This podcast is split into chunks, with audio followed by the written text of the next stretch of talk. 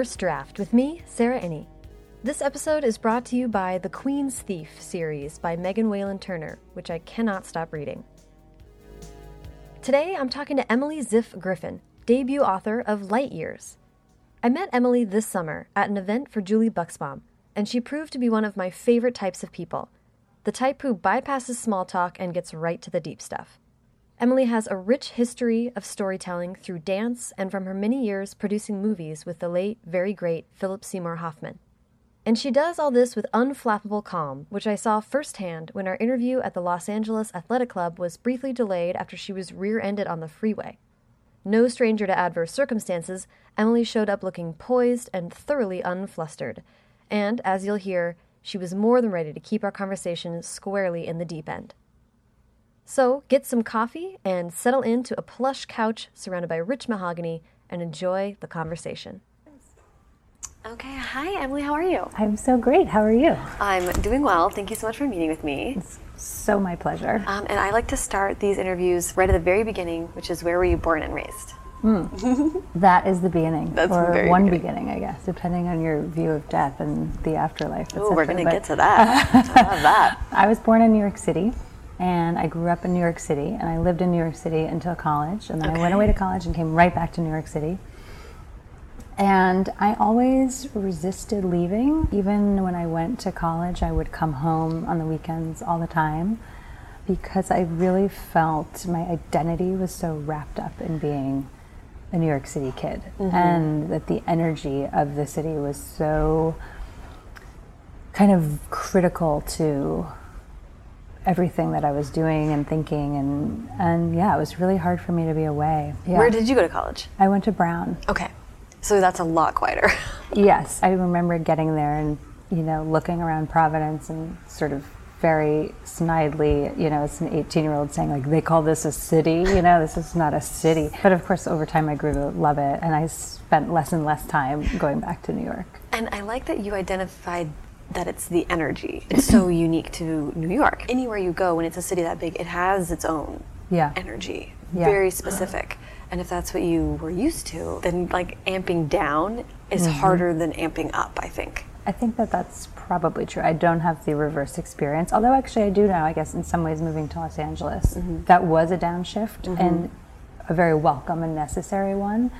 But when I was younger, and even throughout my early career in the movie business, there was always this question of like, are you going to move to LA? Are you going to move to LA? And I radically opposed even the thought of that because I felt that I would be uninspired here. I really felt that the input from being in New York, being on the subway, being up against people physically, and mm-hmm. also just the density of a place like New York was so critical to like my artistic thinking, even just as a producer before I really started writing. And eh, you know, and I used to talk about like all the product coming out of Hollywood being so just sort of disconnected from real life. Like it mm-hmm. always felt such, like such a fabrication. You know, uncertain in certain ways. Not all films, obviously, but but some of the bigger like studio product always seemed like disconnected because I imagined that the people making it were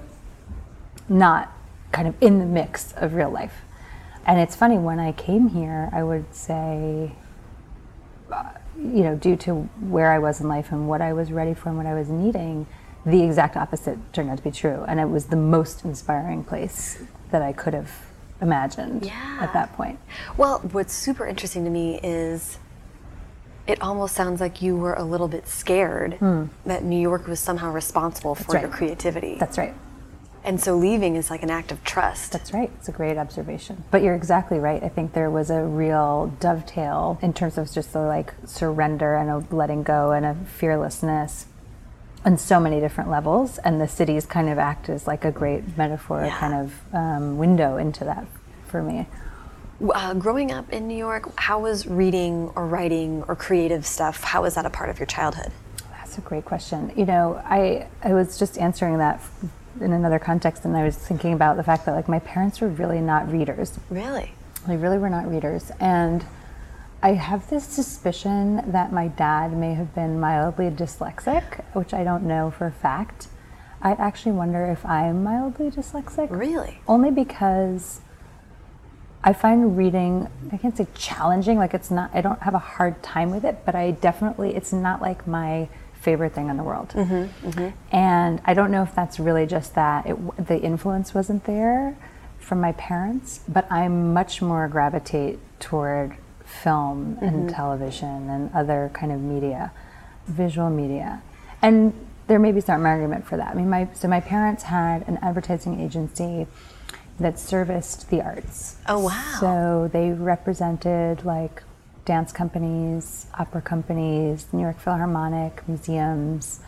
So that was always in your house. So that was always in my house, and I was taken to see things a lot, particularly dance. I had a really rich relationship to modern dance growing up. and Were I you was- a dancer? I was actually, and that was one at one time my path. Eh, My mom always uh, talks about how I wanted to be a dancing lawyer, like I, which it actually is what I think a producer is.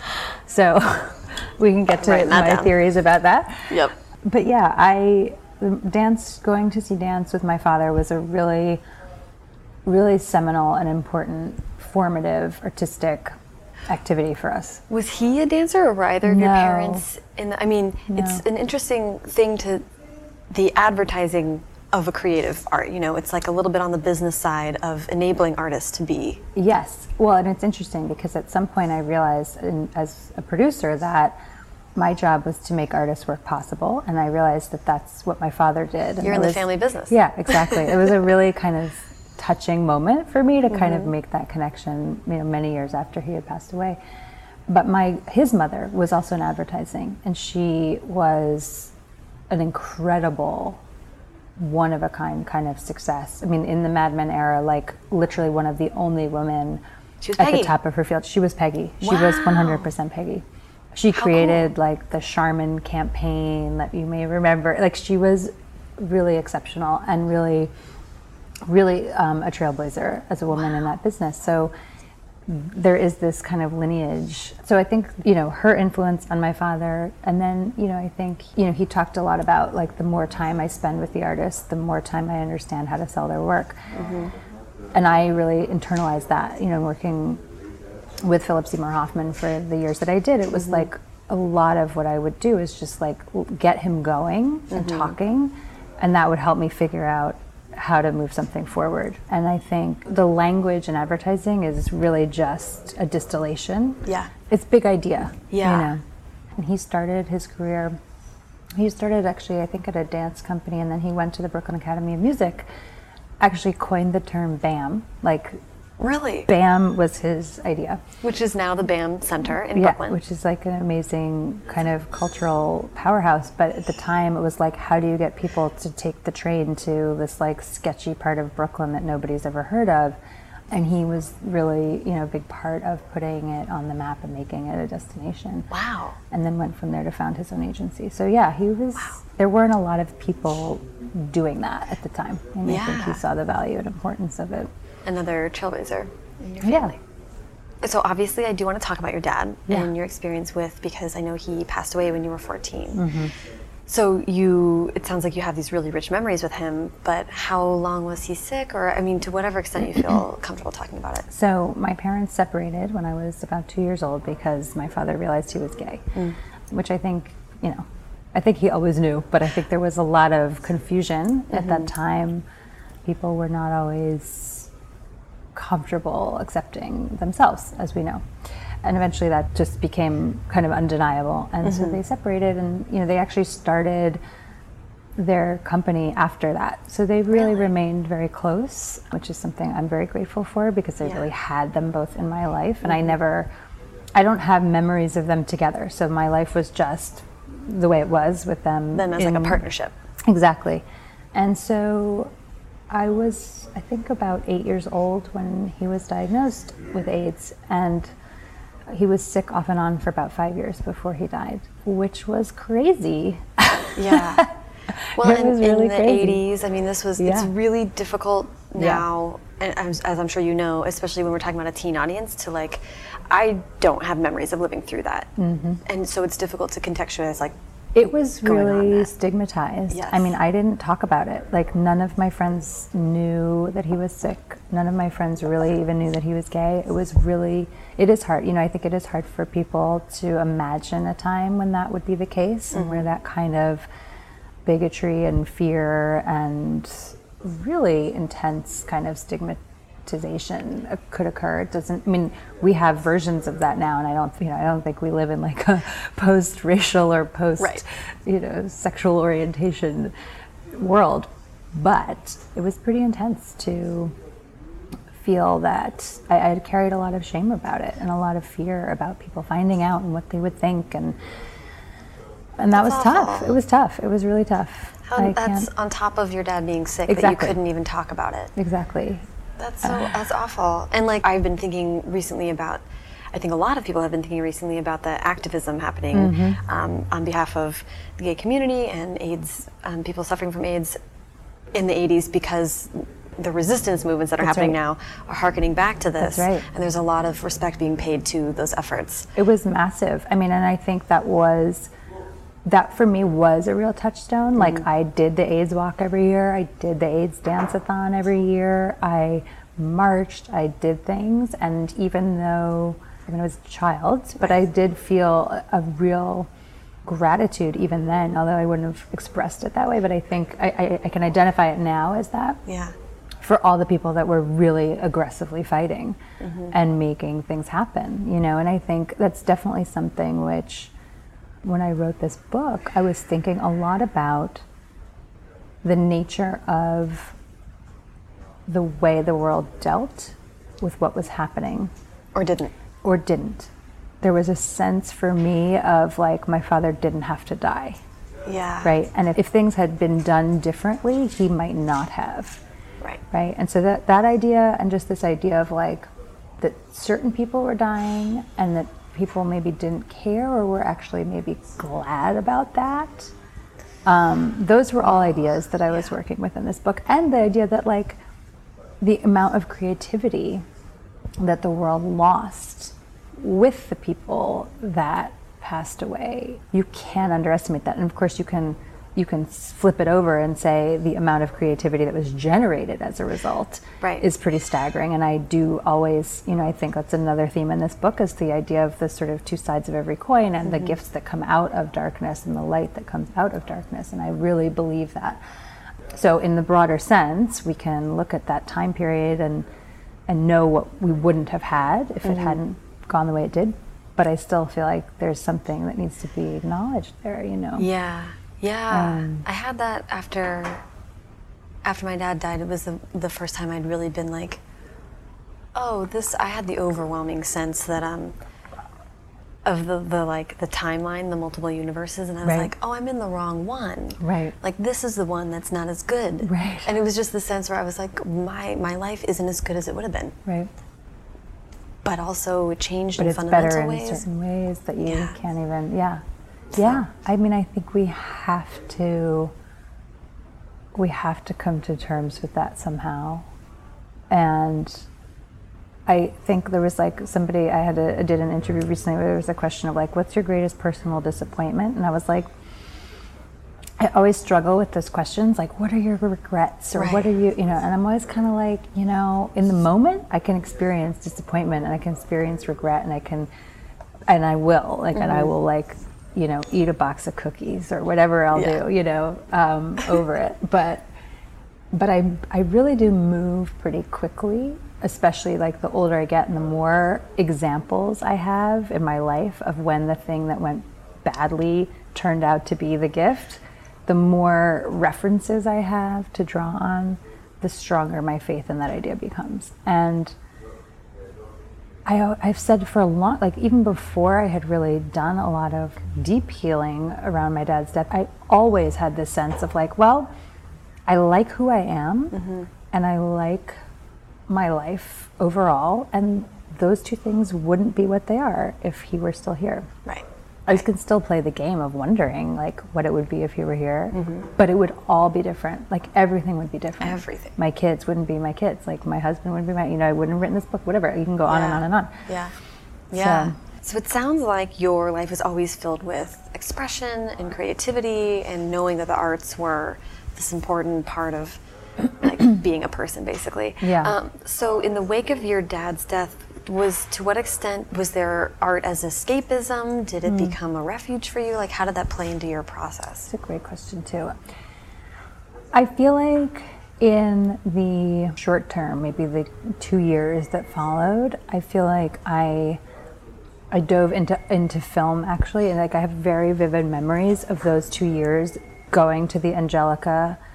It was like the a real like hot moment for independent film. I mean, Oh, it was really? like you know 1993, 1994. Like I have just vague, but also vivid memories of like seeing all of this like European cinema and Asian cinema and Australian cinema and just like kind of hiding out in the dark a mm-hmm. little bit. And going into other worlds. Yeah, and going into other worlds and I really like rejected my sort of social world at school and and kind of like there was like a hibernation, you know. Mm-hmm. I'm obsessed with the author and theorist Clarissa Pinkola Estés. Do you know her?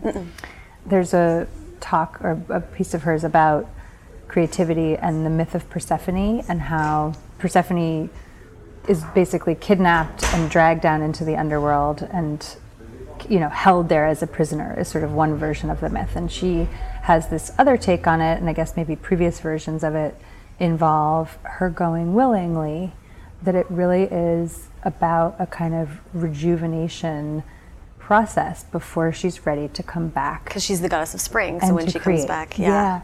And she sort of talks about how like there's a retreat that has to do with a wound in the psyche and a fear that's not the kind of retreat that we seek to have. Like when it's coming from that place, we have mm-hmm. reparation to do. Mm-hmm.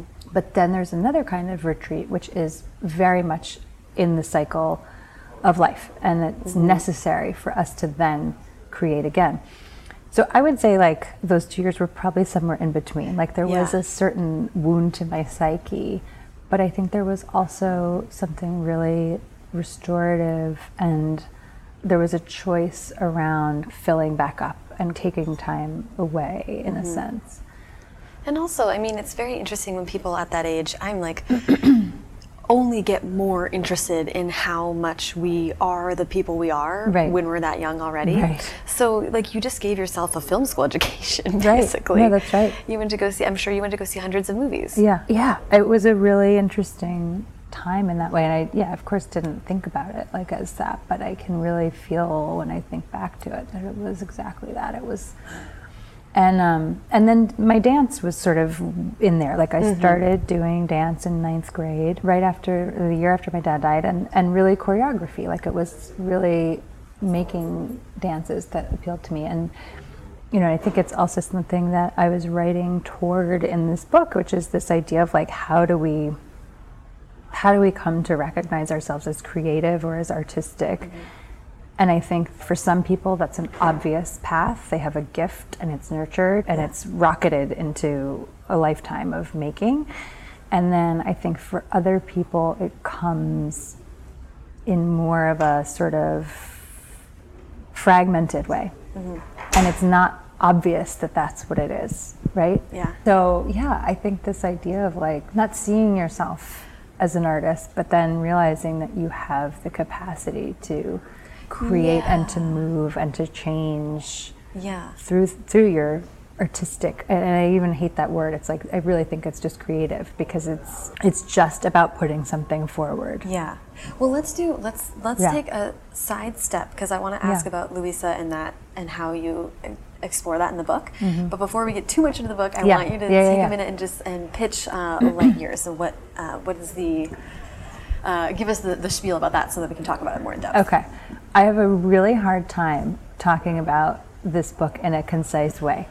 And it's funny because I have spent my whole career pitching material and trying to figure out how to talk about things in a concise way and in an exciting way. And this book, it, it, it defies that for me. And I don't know if that's because I wrote it or what.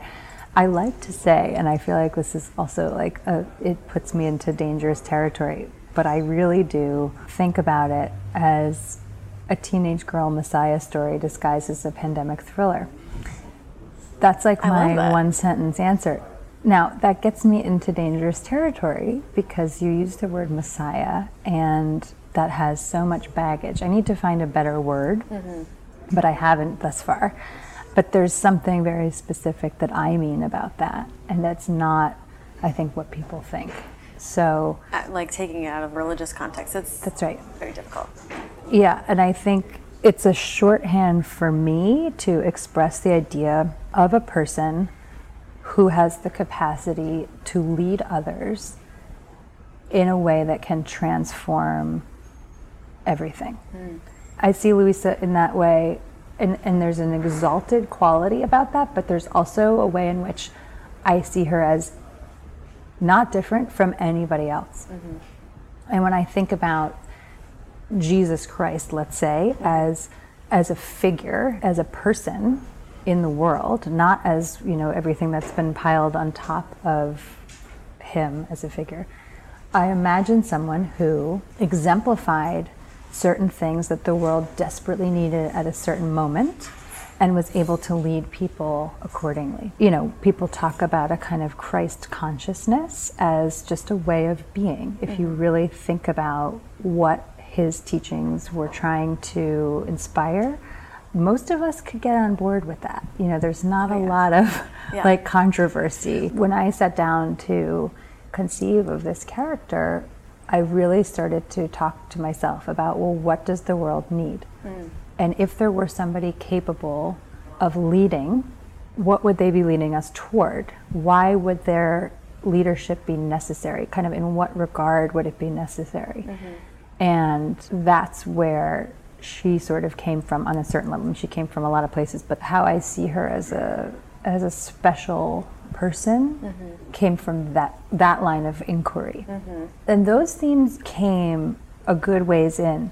Um, you know, the very initial genesis was my own story and my own experience, and wanting to tell the story of a father and a daughter and a and a mysterious illness that nobody understood, because that really was also part of my experience with my dad. Was just this like the incredible uncertainty and mystery about it. That was really where the terrorizing nature of it came into play, and I really wanted to get into that, just to kind of write from my own experience. Yeah. And again, when I look at what does the world need, and what would we want to be led toward by somebody if that person were to appear mm-hmm. and present themselves in that way, to me, it is empathy, it is compassion, it is love, it is creativity, it is inclusion, it is all the things that really are, in my view, the unique province of the teenage girl.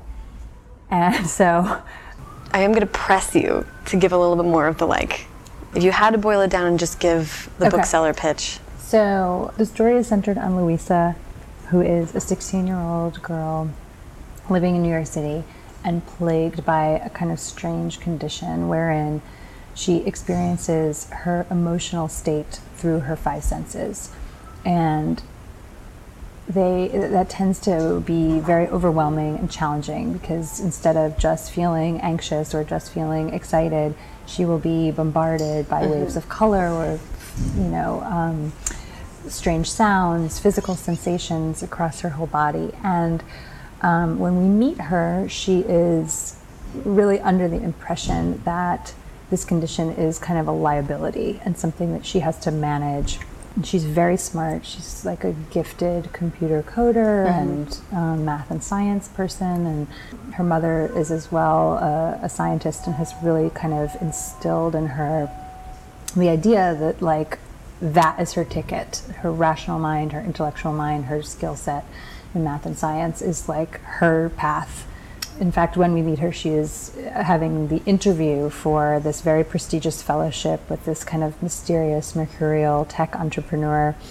That's like how things kind of kick off mm-hmm. is, is this strange meeting with this strange man who's very dismissive of her work and really doesn't seem at all interested in who she is or what she has done mm-hmm. Up until that point. So she kind of begins the book with this perceived failure and a mysterious kind of virus starts to spread um, across America and then steadily over the globe.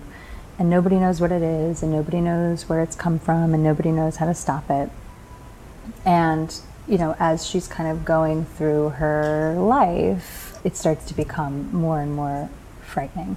And eventually her father is struck by it. And she has to decide what she's going to do. Is she going to surrender to that and allow him to die, or is she going to take some form of action? Fortunately, she receives these mysterious messages that suggest there may be hope for a cure.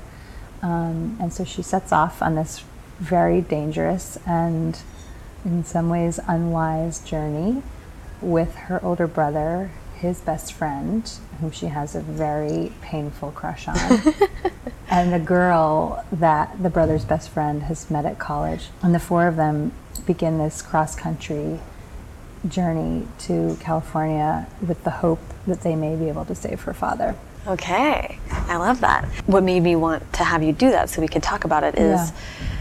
I relate a lot to her being raised to prioritize the rational and um, the like logic part of your mind, you know, mm-hmm. and then that through this journey that she opens up to these other empathy and the creative and this emotional side, mm-hmm. like learning that that's okay too. Mm-hmm. I feel like that was a big part of my journey after my large life events was just being like, oh, I need to like accept that this is a part of me and like be more okay with it Yeah, basically. and feel about it. Yeah. Um, I think that's a big thing for me, and it's you know something I've been writing about around the book coming out is you know the extent to which I really didn't allow myself to have feelings about my dad's death, and I think part of that was survival mm-hmm. mechanism, but part of it is also cultural, and I think it's really time for that to stop, and we're sort of seeing it, and Yeah. I feel like you know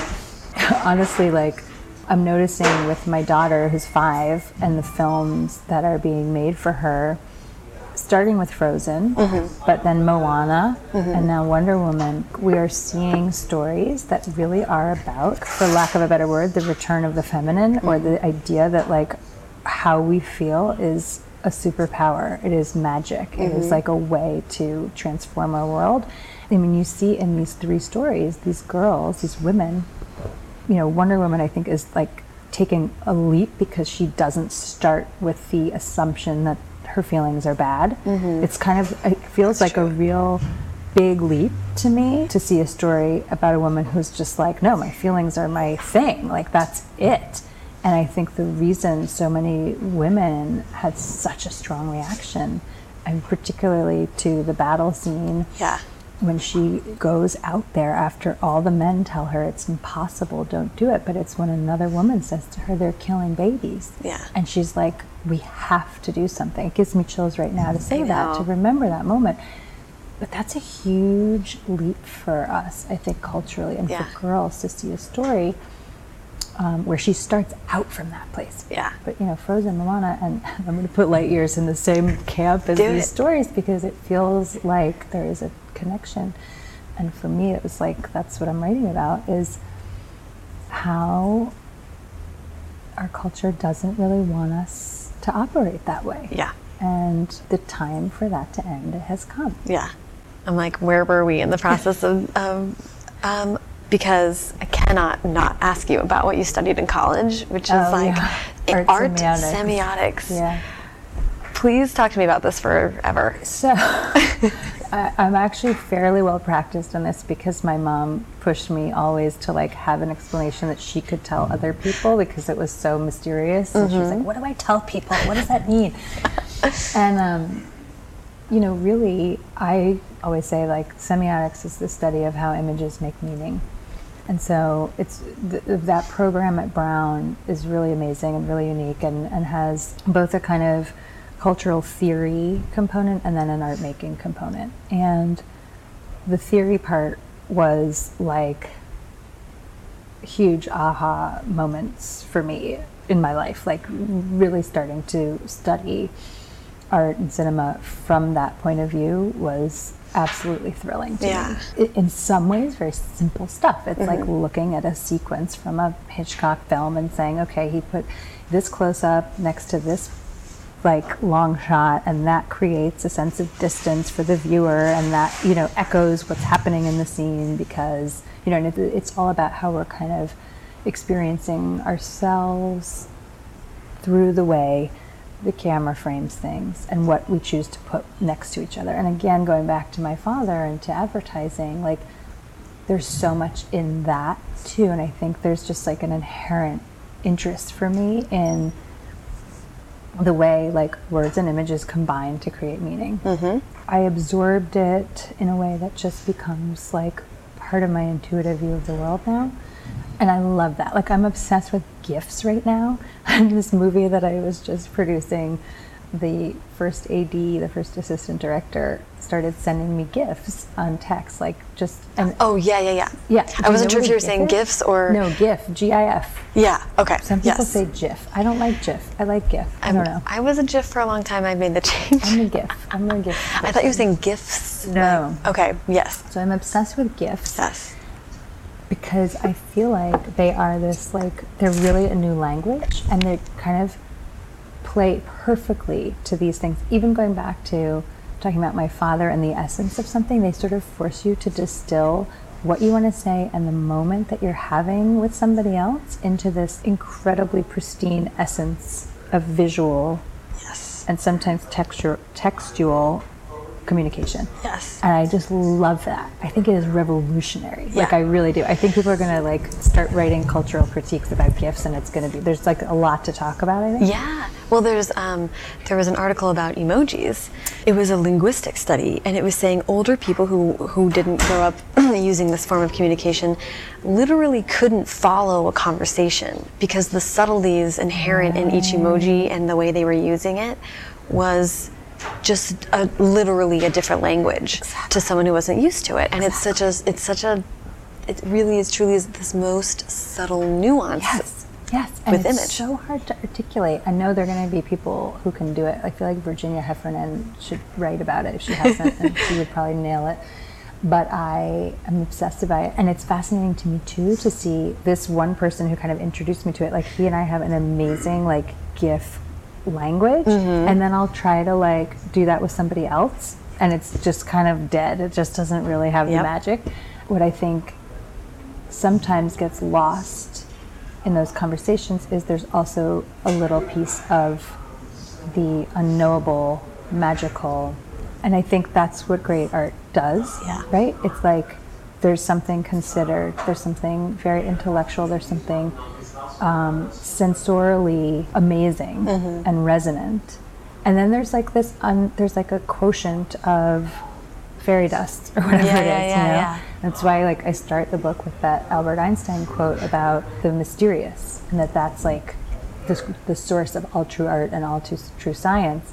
There's that piece too, you know, and it's like that's movies. That's why nobody can predict what movies are successful. right Right? Because there's just that thing that we can't define, Yeah. quantify, plan for, inject with real intention. Like it's something intangible that like is added to the thoughtfulness and the creative beauty, the emotional piece that then makes it transcend.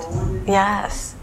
The what I think is so interesting about that is, I mean, everything, but also like that really is a study of. Um, I love the, the, the, your example of, of Hitchcock and the mm-hmm. putting the and understanding not only what's happening in the scene, but how you can best make the audience feel that. Right. Because to me, it seems like you were. I mean, you were studying right from the very beginning art from an audience perspective. Mm.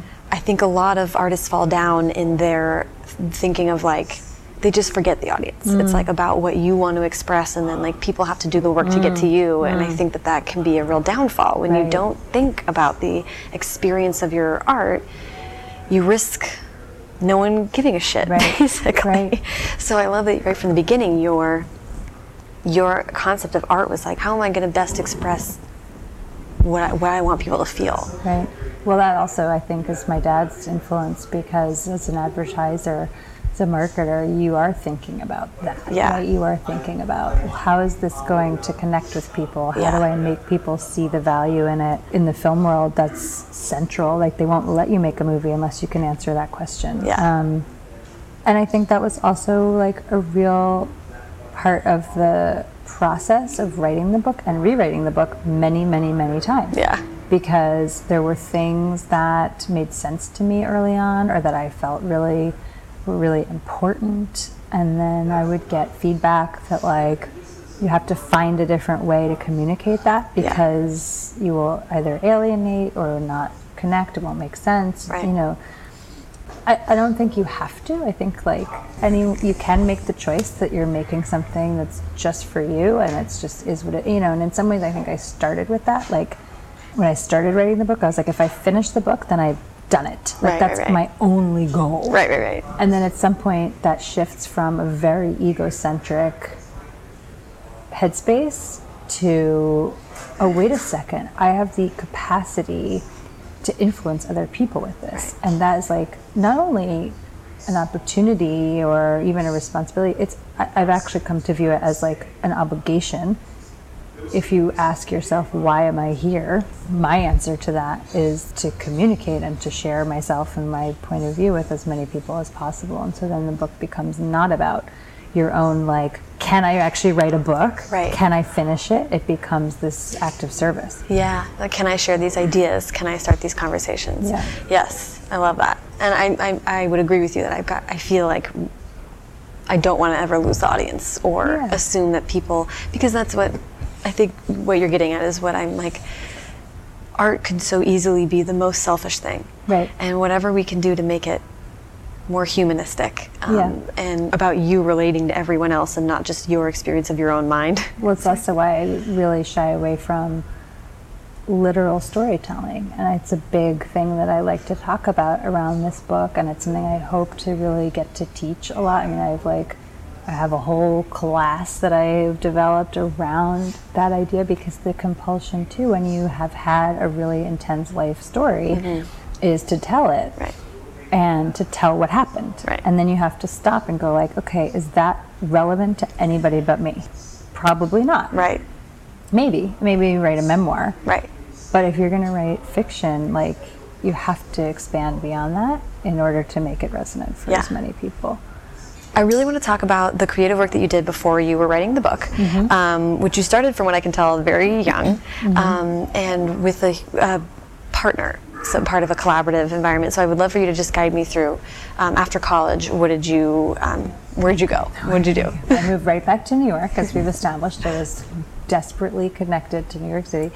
I thought, like, oh, I just graduated from this like nice college, and everyone in the New York City film world is going to be dying to hire me to do what I didn't even really know, and that was not the case. Like, I would. It, this is like in the days where you would fax your resume.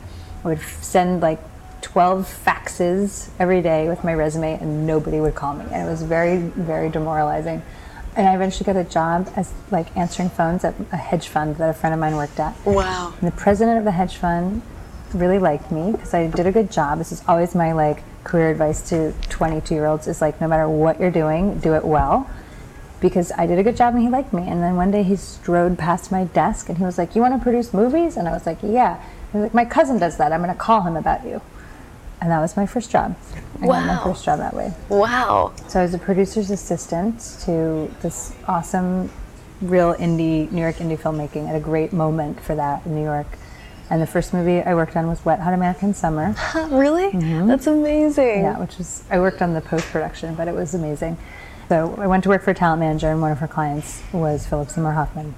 She introduced me to him, and after about a year of being with her, I went to become his assistant. Mm-hmm.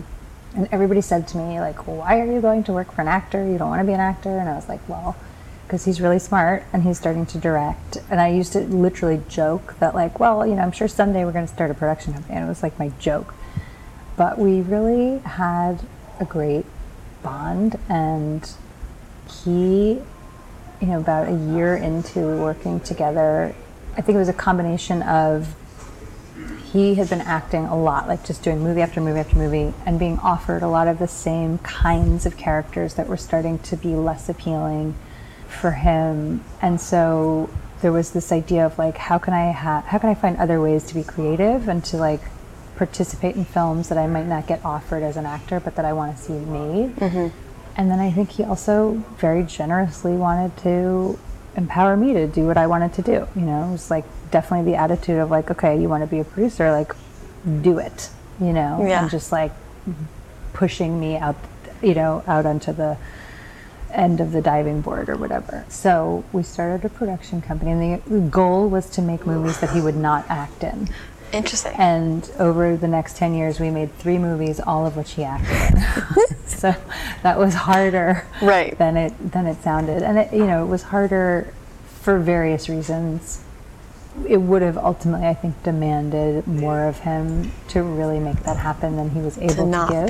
be. Yeah. That's so interesting. I'm like thinking about for people who don't know how this works, if he was going to act in it, it's more likely to get made. That's right. And there was always the hope and expectation. And I think, you know, some producers, there are actors, I mean, Reese is a great example. There are celebrity producers who have built companies that have made films without them starring, and they've done a really good job of that. But yes, that that was always kind of the challenge was we want him to be in something. If he's not in it, why isn't he in it? Right. What does that mean about it? Does that mean he doesn't care? He's not mm. involved? And those were difficult hurdles to overcome often. But, you know, we developed a lot of amazing material. We actually really focused on books and we developed a lot of books, which was also kind of easier said than done at the end of the day, but it was a great way for me to learn and really think about how to evolve a story from one medium to another and Yeah. and again, boiling down the essence. Um, That's right. Every time it goes to a new medium, you have to really get That's right. to the What nut. is it about? And that's and that was that was a huge thing that I. It's funny because it's what I always talk about when I talk to people about how do you choose material. I always say, well, you have to ask, what is it really about? What's the story under the story? Mm-hmm. There's a narrative. Like I always use Capote as the example, which is the mm-hmm. first film that we produced. And it's like the narrative of Capote is very straightforward. It's like this writer who becomes fascinated with a story that takes place in a very different world from the one he occupies, and he goes in search of what actually happened, and he has this very complicated relationship with these two criminals, and he essentially uses them to create a work of fiction that really changed the world in a sense. That's what happens in Right. a story. But what's the story really about? The story is about ambition and the nature of what we do to get what we want and what we do to get the love that we are getting elsewhere. Mm-hmm. Right? And like that's why I think that story connected with critics so strongly and with audiences because we Yeah. all have a part of ourselves that has felt that way and that would have done whatever it takes to get the thing that we desperately need. Mm-hmm. And that's why that story is successful as a Yeah. film. And so I'm always looking, and that's something Phil really taught me to do. You know, how does this connect to our big human experience and like what it is to be a human on this earth? How does this story play into that big picture and then also into our own individual picture? Because he mm-hmm. never took a project that didn't relate to himself personally on some level. It was not always overt. Right. You know, if he's playing like a the bad guy in Mission Impossible 3, like there's not that much in common on the surface, but there Right. was something that he could find to connect to, otherwise he wouldn't do it. Right. And right. I feel the same way. Everything we do has to come from a personal connection. Mm-hmm. You know, you, you, I think you were 25 when you guys started working together, or when? I was 20, not yet 24. Okay, yeah. Yeah. It's just so cool that you that I love when when teams come together, kind of, and it seems like you guys really were on the same page. But also, he's a mentor. I mean, there's mm-hmm. we, and I've read a few interviews with you, and you and it seems like that's something that you really think about a lot of mentorship and mm-hmm. how creativity is like this group thing. You know, it's mm-hmm. it's interesting coming from a novel writing perspective. Then you like look outside and you're like, oh, doing Well, things together. Very interesting you bring that up because I've just been thinking about that a lot. And part of why I wanted to write a book was that I didn't need anyone's permission to do it. I was so sick of like the incredible rejection that you experience trying to get a movie made. It's just like really crippling. And I was like, you know what? I can just do this, and no matter what happens at the end of it, there will be a work of art. It will exist. Even if nobody else reads it, like it will exist in the world. And that was so enticing. Yeah. But of course, ultimately found it like incredibly necessary to involve dozens of people. I got notes on this book from dozens of insanely generous souls that I still am like, God, what do I, how do I repay all the people that gave me notes on this book? So it's not collaborative in the same way. And I think the difference with film is that you're really handing it over Yeah. at different points. And I'm experiencing this right now. I have this film in production, and the writer director said to me the other day, he was like, the editor really needs to know the script. Like whoever we, like whoever this editor ends up being, like really needs to know the script. And I was like, no, the editor really needs to know the footage. Yeah. You actually should probably read the script once and forget it because it doesn't matter what's in the script. All that matters is what we have to now make the film with. And It matters to the director. that's right. But it's really hard Mm-hmm. to like sort of hand it over in that way over and over again to Oh, yeah. actors, to designers, and then ultimately to editors, etc. You know, your book remains yours from start to finish, no matter how much influence you get or input you get from other people. And there's something wonderful about that. Yeah. But I definitely don't see it as like an isolated enterprise. Mm-hmm. Um, there was a lot of great that I, you know, good good stuff that I took out of having that relationship with Phil. Mm-hmm. But at the end of the day, it was never a true partnership because it couldn't be with Mm. Right. somebody who had already achieved that much and was already operating at that point in their sort of creative evolution. Mm-hmm. And so we tried hard to keep making it that, Mm-hmm. but it really wasn't ultimately. And I think um, the truth is that even had he not passed away, like it was already kind of moving in the direction of me needing to find my own footing and have my own agency over my creative self. Yeah. You know, Yeah. Yeah. That's, uh, but after having learned from him and gotten the chance to, 100%. Yeah. Like, I mean, there's n- like that education, um, you know, you could spend a hundred years in school and never get close to it. Yeah, So, it's really amazing. And and I mean, you have talked a lot before in other places about what you learned from Phil. But I, in this interview, even approaching it, I was like, I don't want to just mm-hmm. talk to you about how you enabled someone else's work to come into the world. That's not mm. the point of this conversation. Mm. So I'm interested in if you've thought at all about like, you know, Phil chose you. Mm. And so obviously there was something that you were bringing to him. So how do mm-hmm. you think you pushed him or enabled something in him? great question.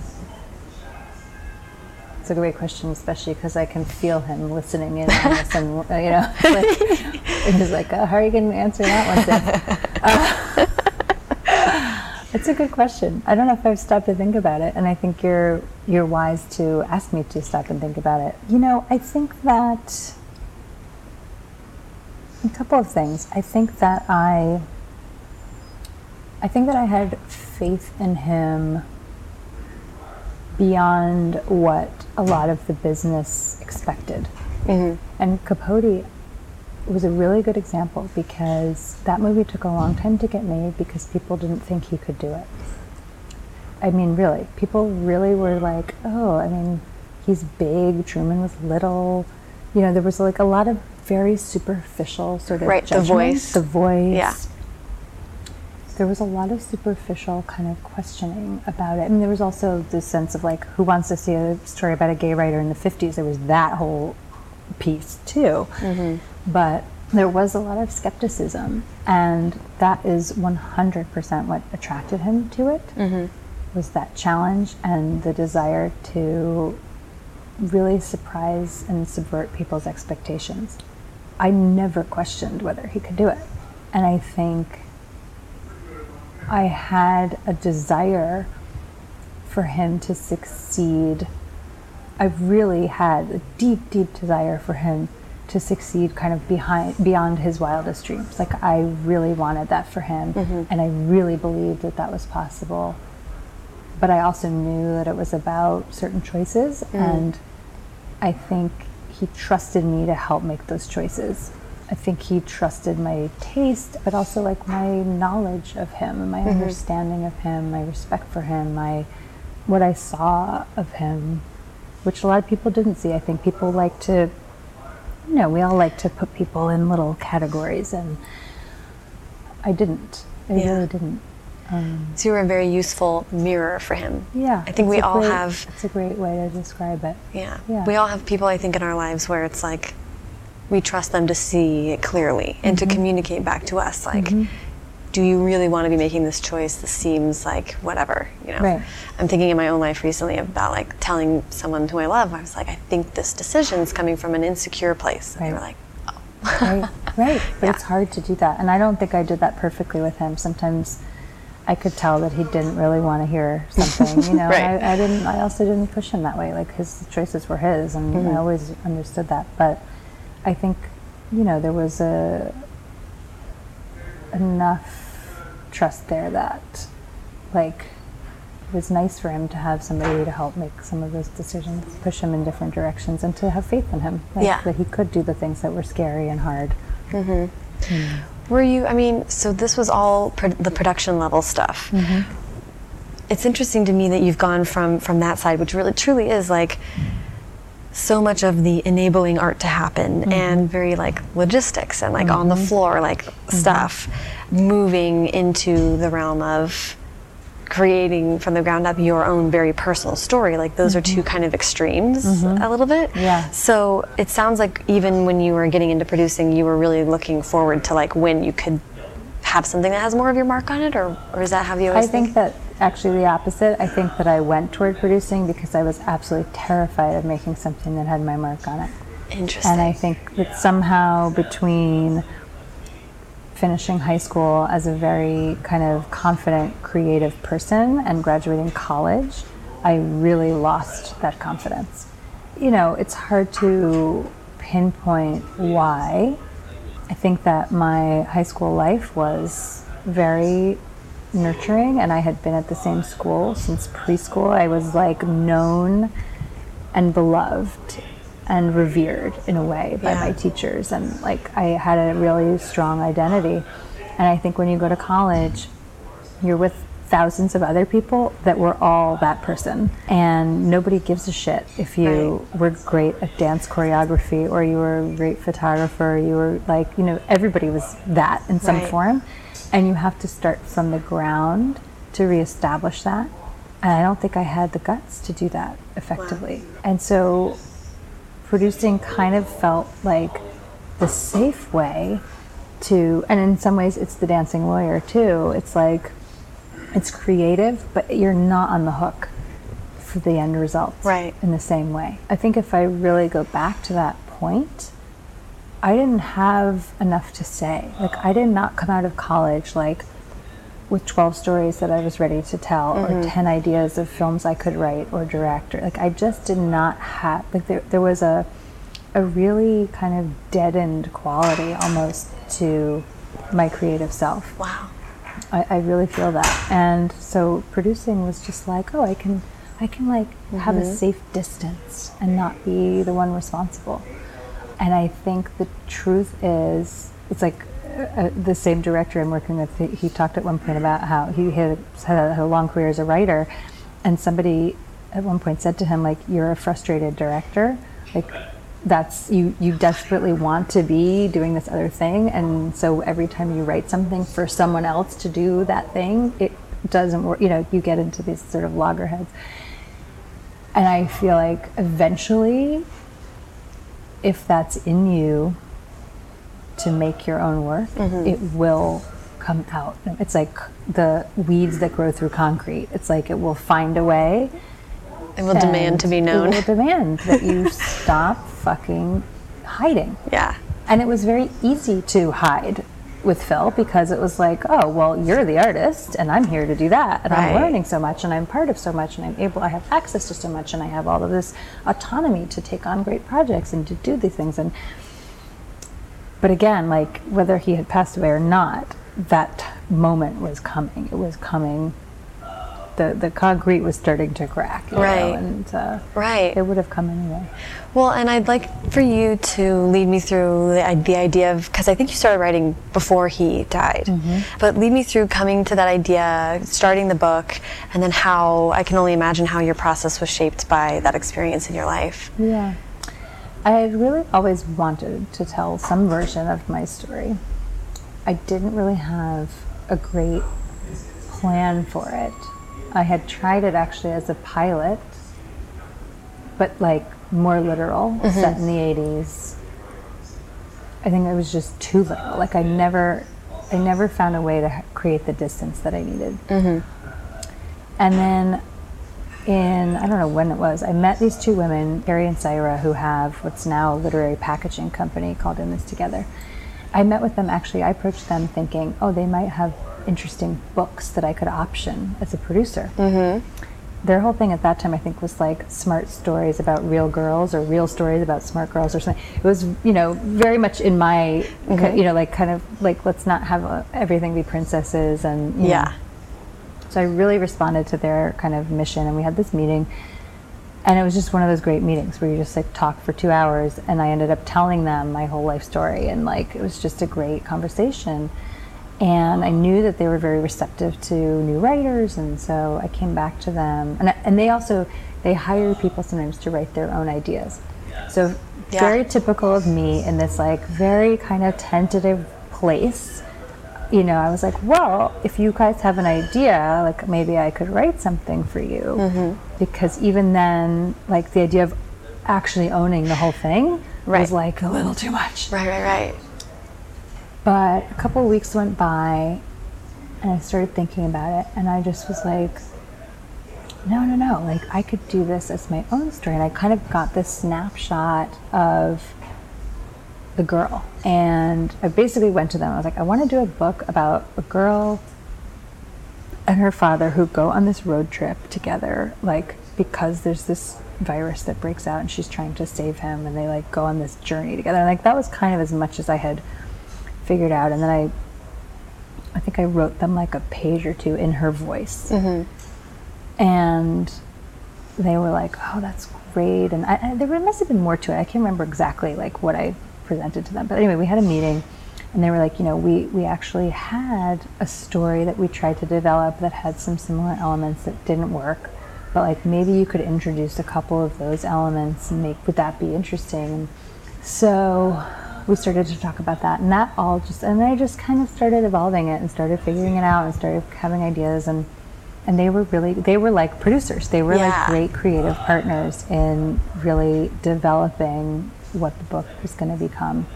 That whole time was like a crazy like the year 2014 which is really when i started writing this book was like the craziest year of my life. And phil died at the beginning of that year. And by the end of that year i had had a. I had been like i go through the year i'm like january i had a miscarriage. February phil died. March i got pregnant with my now son my second child. April my husband turned 50 may i graduated a yoga teacher training that i did that i started the fall before just because i needed i need a spiritual like home while mm-hmm. like the things that were happening with phil were happening. I was just like i need I need to be a student, and I need to be a student of things that have to do with existence. Like mm-hmm. that was like a really Yeah. helpful thing. So that was May. June, we decided we started talking about moving to LA. I don't think anything crazy happened in July. August, we came out here and decided to move here. September, my husband's mother came down with this very mysterious illness called Guillain-Barré. She basically went to the doctor like having some numbness, and within 24 hours was paralyzed from head to toe except for one eye, and spent six weeks in the ICU Oh on a ventilator and almost died, but was fine. She's fine now. It like reversed itself, and it's fine. So that was September. She got sick with that. Two weeks later, we moved here. That was October. November, my husband finally got a job out here. We came out here with no jobs, nothing. And then in December, my son was born. So it was like a crazy year. And the whole time I was like, I, sh- I need to be writing this book. I'm not writing enough of this book. Like I, I was feeling all of this anxiety about it. And then I just could, you know, there was only so much I could do. I will say, by April of the following year, I turned in the first draft. So That's pretty I wrote most of the book while all of that was happening, and then with the newborn. Wow. and the first draft was not great, but it was done, and that was very important to me yeah. uh, just to be through it. You know, the influence of Phil's death really had mostly to do with my own spiritual development, like the things that I started thinking about and kind of grappling with with his death are very present in the book and were really ultimately a kind of conclusion in some ways of grieving my father. Like there was a weird kind of way in which I was able to go through the experience of losing Phil in a way that I didn't with my dad. Mm-hmm. I was able to f- like be present with it in a way I wasn't, Yeah. and that really helped me kind of close the book with both of them in a way Yeah. That was really important. Yeah, that something awful was the catalyst to heal kind of both at once in a way. Right. Do you, did you consciously think of writing the book as a way of coping? No, I wasn't able to like. I wasn't that like in tune with myself. I think I was like.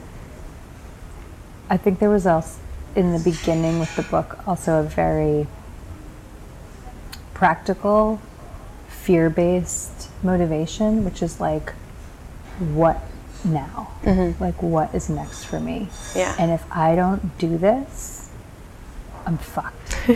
Partially because I knew that I didn't want to go back to like producing full time and like get a job as a studio executive or like Right. running some other company. Like I was just terrified of that. And so this was like a ticket to my freedom is how I kind of saw it Yeah. the pressure of that was very real. Like, Yeah. like that whole like uh, you know failure is not an option kind of thing. Like that was really my mentality. Yeah. I mean, that's both wonderful and very intense for the work itself Right. to put that much on it. Kind of the enemy of art to Yeah. be thinking in that way. A little bit. Yeah, it definitely was. And then at a certain point, or maybe like at various points, it would kind of ebb and flow. I would come to terms with the investment I was making and mm-hmm. like really be like, no, this is a choice that I'm making this investment in myself and this book and that I can do this. Mm-hmm. And then the pressure would kind of recede and I wouldn't feel it. And then I would let it kind of bubble back up like, no, but if you don't, if you don't do this, if it doesn't work, if you don't, you know, like then it would bubble up and I would have to like talk myself down from that again. Well, and, and it strikes me too that this, that what you said um, at the very beginning was the fear of leaving New York and this trust. So it's happening at the same time that you're trying this first creative expression of your own, and it, like so everything was like happening at one time. Yeah, but That's sometimes that's how it goes, you know. And I think like it's one of the things like I think Louisa benefited from that experience of mine because I mean, and it's not an accident that she takes a cross country trip and like finds something really major in Los Angeles Yeah. and kind of finds like the birth of her real self in Los Angeles and that is my experience. It was my experience. So, and it's funny because I, I had her taking that trip way before I planned to take it. You know, it's just interesting. Like who who influenced who? I don't know. Well, I love that. That's. I mean, I love that. What came out of it was this very true to you piece of art. For sure. Because God, without something, Yeah, I mean, I I don't. Again, it's like you go back to what would your life be if your dad didn't die? You know, it's like, well, what would the book be if Phil hadn't died? I can't even. It's it's harder for me to ask that question because the loss of Phil is not mine primarily. It's his three children and Right. his girlfriend and like his parent, his parents and his siblings. Like the devastation of that really belongs most squarely to them. So for me to say, oh, well, it's a gift. You know, it's like I can't even go there. I can go there with my own father, but I mm-hmm. would never presume to say that about his death. But the book would be very different. last thing about light years and then i and then i want to get to advice this kind of ties into your talking about the teen girls and like their power mm-hmm. when you describe her synesthesia how mm-hmm. she experiences the world and getting a rush of sensory overload when she kind of has these feelings. There was a quote that when you were 14 and your dad passed you said at that age i had no bigger perspective other than just fear and a kind of inability to even process what was happening. And synesthesia and this overwhelming feelings it read so true to me they're like someone who is that young and mm-hmm. has all those feelings anyway. And then also when the real world comes in you just like it's impossible to sort of separate truth from fiction in some ways Right. I think that's great. And a lot of what this story is to me is like real stuff that most of us have experienced or can relate to, and then just kind of writ large, you know? And um, my smaller real life experience that mirrors that is like anxiety, panic. I don't have like a debilitating panic disorder, but I have had periods of my life where that really became challenging. Mm-hmm. And I know that's true for a lot of people, and I think it's increasingly true for teenagers because Yeah. this world does not like to let anybody fucking relax for five minutes. So that's kind of where I drew a lot of the inspiration from because I know what it's like to even know that something is not real and yet be unable to talk yourself out of the realness of the feeling. Mm-hmm. So again, her version of that is much more dynamic and in some ways debilitating than it would be for the rest of us who just had a panic attack here and there.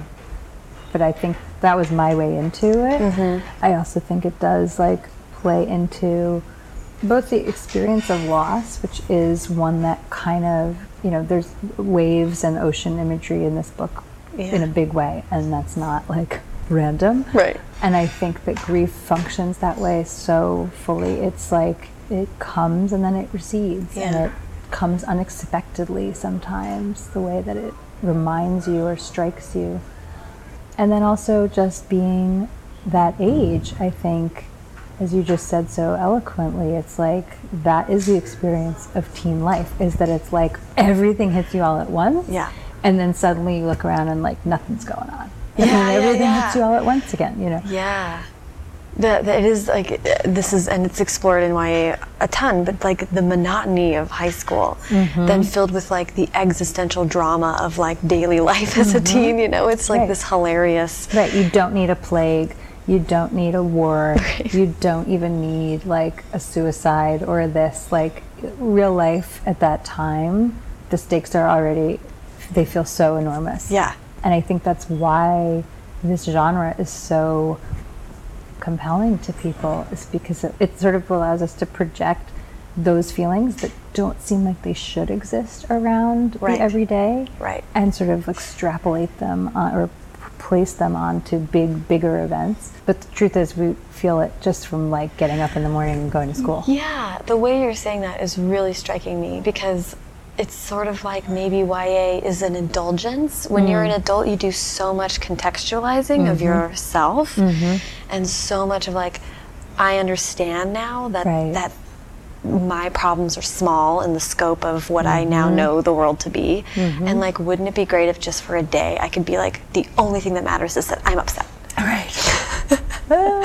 like this is literally the most important thing on earth Right, right, now right. and you don't and there's no ego to it you're just like it's just all that fills the frame Yeah, no, that's a great that's a great image to that idea of it filling the frame and and also just our our perception of time.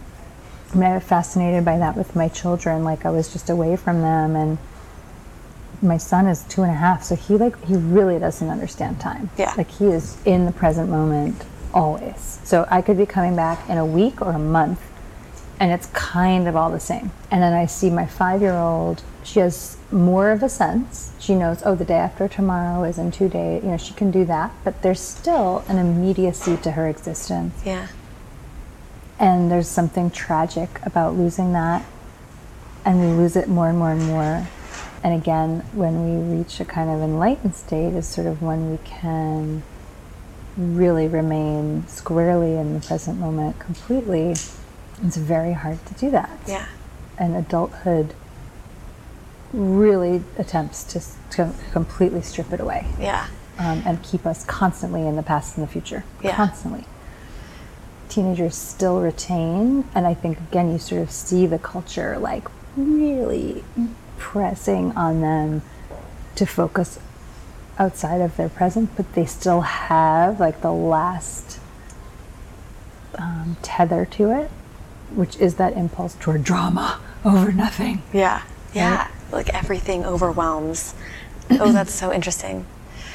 I love that. well, that's perfect. Let's let's Okay. let's segue from from that to. Um, I would love to hear, especially as someone who has spent their. I mean, like you're a debut novelist, but that's like not telling the whole story about your career and in creativity. I'd love to hear from your point of view um, any advice you have for someone starting to write. Maybe if they're coming from another creative field and exploring books as a, an expression for the first time, like what would you tell someone like that? I mean that if I can do it, anyone can do it. You know, I know people say that, but it's like really true. And I think it has really mostly to do with willingness. You know, that's easier said than done. It's like I also, you know, you also have to have like, how do you do it? You know, how do you find the time? How do you support yourself while you find the time? It's it's not as simple on the surface as that, but maybe it kind of is. Maybe it's like it's willingness is pretty powerful. You know, Yeah. you can make a lot of changes if the will is there. I think it's also like, why are you doing it? Why are you writing? I mean, I think like honesty is everything when you're a creative person, and it's so hard sometimes Yeah. to go there. Um, but why are you doing it? And is that reason enough?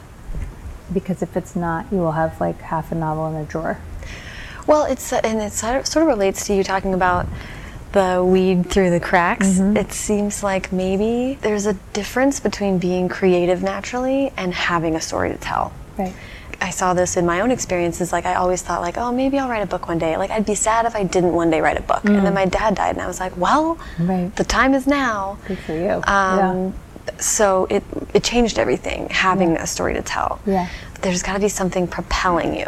That's right. But you could also wait a lifetime to be struck with that mm-hmm. and never feel it. And so, again, that comes back to like, well, why are you writing? And I think if it's because you think it's cool or you think other people will think you're cool or Or you want to be rich and famous. Or you want to be well, I've definitely been disabused of that Yes. uh, rationale. But um, yeah, I think that you know you have to get honest about that. And it's not like we're pure beings who only have pure impulses. Right. Like I have those other impulses too. Right. I want people to like this book because Yeah. I want people to react to me in a certain way, and I want to make money, and I want you know it's like I want those things. I'm not going to say I don't, but once I kind of strip down underneath that, there's something else. And if I didn't have the something else, there's no way I would have finished it. Yeah. and you can cultivate the something else. Like it's not like a question of like you're born with it or you're not. Right. but you have to get specific i think to, to like and like you have to stay connected to that. You have to like keep intentionally coming back to that. Mm-hmm. And that's why i'm doing this. I'm doing this because these ideas really matter to me and they helped me and i think other people can get something out of this story and be entertained by it and have fun with it but also like think about things differently than they would have if they hadn't read it. And you just gotta keep coming back to that in the moments where it's like really hard and like you don't have time or it's it doesn't feel like it's working or somebody tells you it's not good. Any one of those things it's um i think important to identify what the thing is underneath the other stuff. Yeah. And figure out how you keep connecting to it Yeah.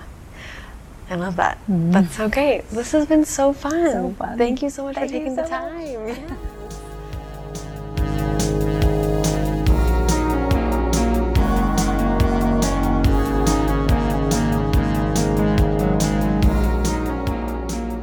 Thank you so much to Emily. Follow her on Twitter at Emily Ziff and on Instagram at Emily Ziff Griffin. And follow me at Sarah Enni and the show at First Draft Pod. You can follow the show on Instagram and Facebook too, but for links to everything Emily and I talked about in this episode, as well as searchable archives of previous interviews, and to sign up for the First Draft newsletter, be sure to check out firstdraftpod.com. Please do check out the show notes for this episode or the First Draft Twitter feed or Facebook for a link to the First Draft listener survey. It's just 10 short questions and it goes a long way to helping me make the podcast better. And on Saturday, September 23rd at noon, I will be at the Huntington Beach Barnes & Noble with the wonderful Ameriie to talk about Because You Love to Hate Me, the anthology of villainous stories that Ameriie contributed to and edited, and for which I wrote a witchy short story. That's Saturday, September 23rd at noon. Be there or be merely a figment of my imagination. If you like what you heard in this episode, please leave a rating or review on iTunes. Every five star review gets me closer to embracing my feelings as a true superpower.